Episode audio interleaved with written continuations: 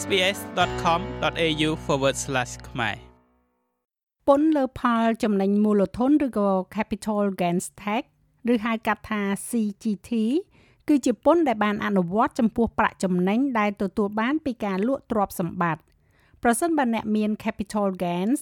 ឬក៏ប្រាក់ចំណេញនៅពេលលក់ទ្រព្យសម្បត្តិវានឹងរួមចំណែកដល់ទំនួលខុសត្រូវពន្ធរួមដែលអ្នកត្រូវបានទាមទារឲ្យទូទាត់ ពន្ធនេះត្រូវបានរួមបញ្ចូលនៅក្នុងរបាយការណ៍ពន្ធលើប្រាក់ចំណូលរបស់អ្នកដែលត្រូវប្រកាសបន្ទាប់ពីការបិទបញ្ចប់នៅឆ្នាំហិរញ្ញវត្ថុអូស្ត្រាលីគឺនៅថ្ងៃទី30ខែមិថុនាប្រសិនបើអ្នកបានលក់ទ្រព្យសម្បត្តិដែលជាដើមទុនដូចជាអចលនទ្រព្យឬក៏ភាគហ៊ុននោះវាចាំបាច់ណាស់នៅក្នុងការរាយការណ៍ពីលទ្ធផល មិនថាជាប្រាក់ចំណេញឬក៏ជាការខាតបង់នៅក្នុងការប្រកាសពន្ធលើប្រាក់ចំណូលប្រចាំឆ្នាំរបស់អ្នកដើម្បីជៀសវាងការផាកពិន័យទោះបីជា Capital Gains Tax ឬក៏ CGT មានឈ្មោះដាច់ដោយឡែកក៏ដោយតែវាគឺជាផ្នែកមួយនៃពន្ធលើប្រាក់ចំណូលរបស់អ្នកអ្នកជាប់ពន្ធអូស្ត្រាលីត្រូវមានកាតព្វកិច្ចប្រកាសទាំងប្រាក់ចំណេញនិងការខាតបង់នៅក្នុងរបាយការណ៍ពន្ធលើប្រាក់ចំណូលរបស់ពួកគេ ហើយបន្តបំពេញកាតព្វកិច្ចពន្ធដែលពាក់ព័ន្ធជាមួយនឹងពួកគេការិយាល័យពន្ធដារអូស្ត្រាលីដែលហៅកាត់ថា ATO គ្រប់គ្រងនៅគ្រប់ទិដ្ឋភាពទាំងអស់នៃការបង់ពន្ធនិងការប្រមូលចំណូលនៅក្នុងប្រទេសអូស្ត្រាលីមនុស្សភាគច្រើនតាក់ទងឲ្យគណនេយ្យករដាក់លិខិតប្រកាសបង់ពន្ធប្រចាំឆ្នាំឲ្យពួកគេលោក Mano Gupta គឺជាគណនេយ្យករដែលមានមូលដ្ឋាននៅទីក្រុង Melbourne លោកពន្យល់ពី Capital Gains Tax និងរបៀបអនុវត្ត Uh, capital gains tax is a, a tax Capital Gains Tax គឺជាពន្ធដែលប្រមូលដោយរដ្ឋាភិបាលទៅលើប្រាក់ចំណេញដែលយើងរកបានទៅលើការលក់ទ្រព្យសម្បត្តិណាមួយទ្រព្យសម្បត្តិទាំងនោះអាចជាអចលនទ្រព្យបានភិហ៊ុនបច្ចុប្បន្នមានរូបិយប័ណ្ណ crypto ឬក៏ទ្រព្យសម្បត្តិផ្សេងផ្សេងទៀតវានឹងរាប់បញ្ចូលទាំងទ្រព្យសម្បត្តិនៅឯបរទេសដូចគ្នាដែរ វាត្រូវបានបញ្ចូលទៅក្នុងប្រាក់ចំណូលជាប់ពន្ធរបស់អ្នកសម្រាប់ឆ្នាំហិរញ្ញវត្ថុនោះរួមទាំងប្រាក់បៀវត្សឬក៏ប្រាក់ឈ្នួលឬប្រាក់ចំណូលអាជីវកម្មរបស់អ្នកនិងប្រាក់ចំណេញដែលបានមកពីការលក់ទ្រព្យសម្បត្តិណាមួយ liability ឬក៏ទំនួលខុសត្រូវនៃ capital gain tax គឺជាចំនួនពន្ធដែលជំពាក់ទៅលើការលក់ទ្រព្យសម្បត្តិហើយត្រូវបានគណនាលើអត្រាពន្ធលើប្រាក់ចំណូលបុគ្គលរបស់អ្នកជាប់ពន្ធ So if if a taxpayer uh, ប្រសិនបើបុគ្គលជាប់ពន្ធម្នាក់លក់ទ្រព្យសម្បត្តិណាមួយសូមលើកជាឧទាហរណ៍អំពីអចលនទ្រព្យព្រោះនោះជាទ្រព្យសម្បត្តិជាធម្មតាដែលត្រូវបានលក់នៅក្នុងរយៈពេលជាច្រើនឆ្នាំមកហើយ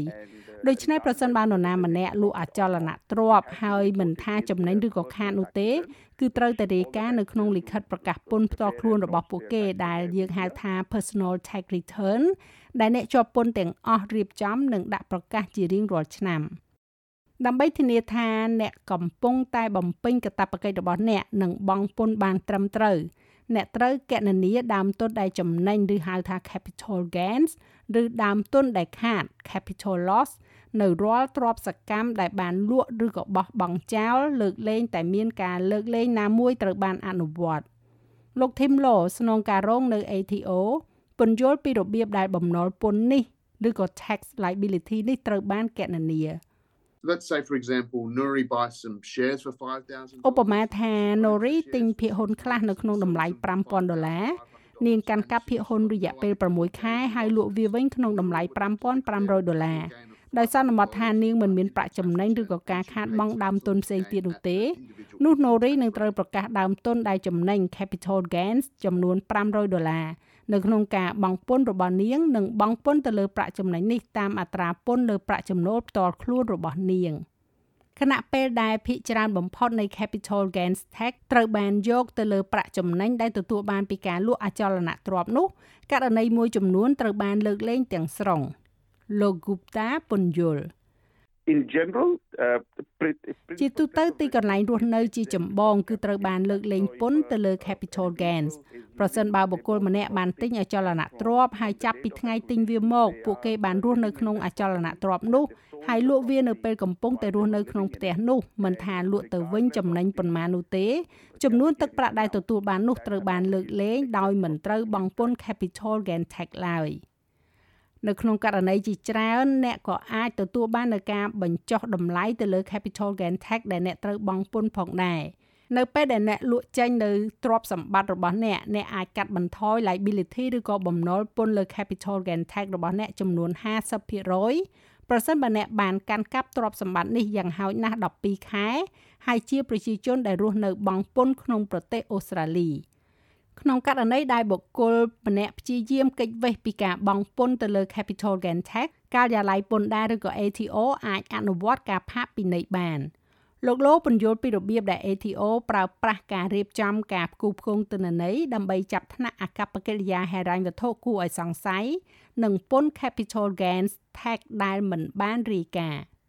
To ensure that people are doing the right thing will receive ដើម្បីធានាថាប្រជាជនកំពុងធ្វើនៅរឿងដែលត្រឹមត្រូវយើងទទួលបានទិន្នន័យប្រាក់ចំណូលនិងទិន្នន័យផ្សេងផ្សេងទៀតពីស្ថាប័នជាច្រើនដូចជា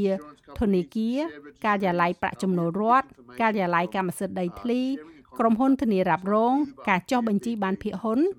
យើងក៏ទទួលបាននូវព័ត៌មានពីការចែករំលែកវេទិកាសេដ្ឋកិច្ចផងដែរដូចជា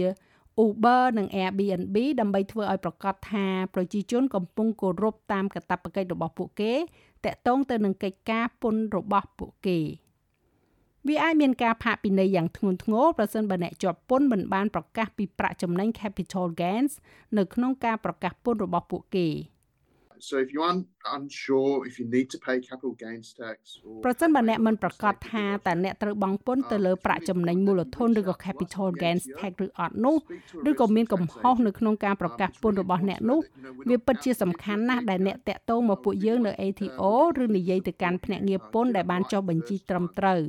វាជារឿងសំខាន់ដែលត្រូវដឹងថាយើងមិនចេញទៅចាប់អ្នកនៅការិយាល័យ ATO នោះទេយើងនៅទីនេះដើម្បីគ្រប់គ្រងអ្នក ធ្វើវាឲ្យបានត្រឹមត្រូវតាំងពីលើកដំបូងនៅពេលដែលដល់ពេលវេលាប្រកាសពន្ធរបស់អ្នកការផាកពិន័យសម្រាប់ការកិច្ចវេះមិនបង់ពន្ធ capital gains tax គឺដូចគ្នាទៅនឹងពន្ធផ្សេងផ្សេងទៀតដែរគឺវាត្រូវបានគេកណនាដោយផ្អែកទៅលើកង្វះខាតពន្ធនិងអកប្បកិរិយាបុគ្គល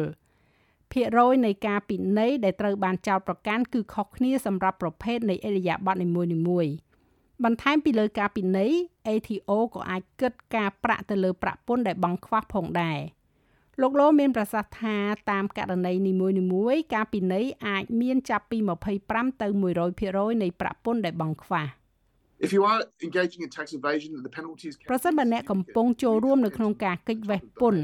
ការផាកពិន័យអាចមានសារៈសំខាន់អាស្រ័យទៅលើប្រភេទនៃអកប្បកិរិយាដែលអ្នកកំពុងចូលរួមប្រសិនបើអ្នកបានធ្វើខុសដោយស្មោះត្រង់ការពិន័យនឹងមិនធំដុំទេ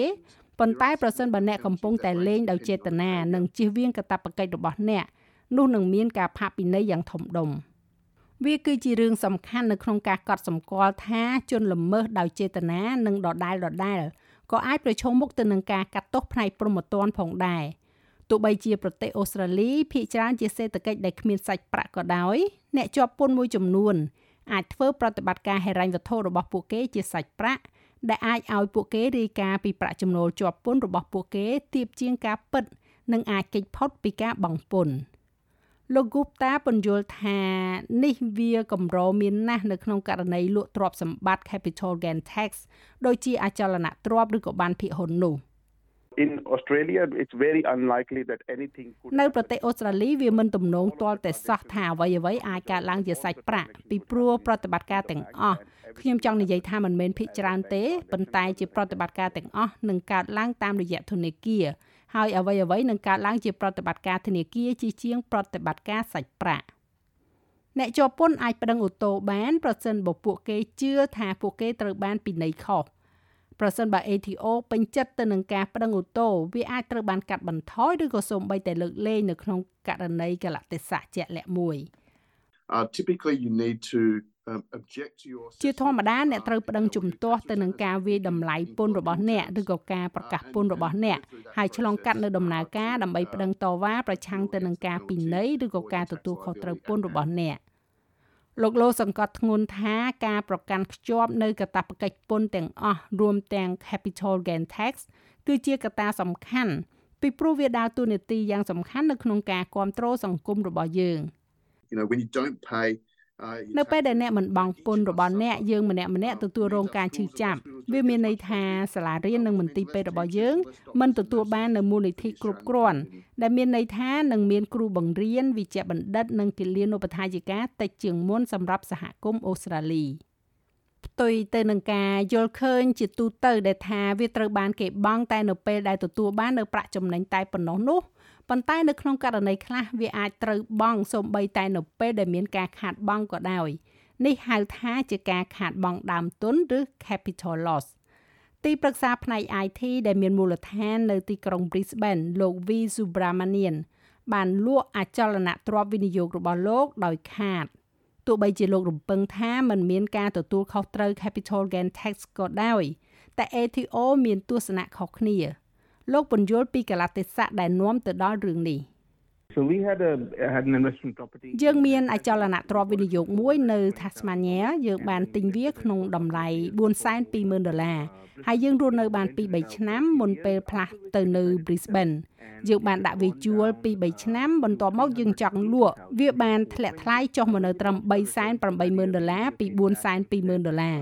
នៅពេលដែលយើងប្រកាសពន្ធរបស់យើងសម្រាប់ឆ្នាំនោះ ATO បានត្រឡប់មកវិញហើយនិយាយថាអ្នកមានការចំណេញទៅលើមូលធនឬក៏ capital gains ស្ថានភាពបែបនេះអាចធ្វើឲ្យមនុស្សជាច្រើនភ្ញាក់ផ្អើលវាកើតឡើងនៅពេលដែលការចំណាយត្រូវបានទាមទារការកាត់កងសម្រាប់អចលនទ្រព្យវិនិយោគ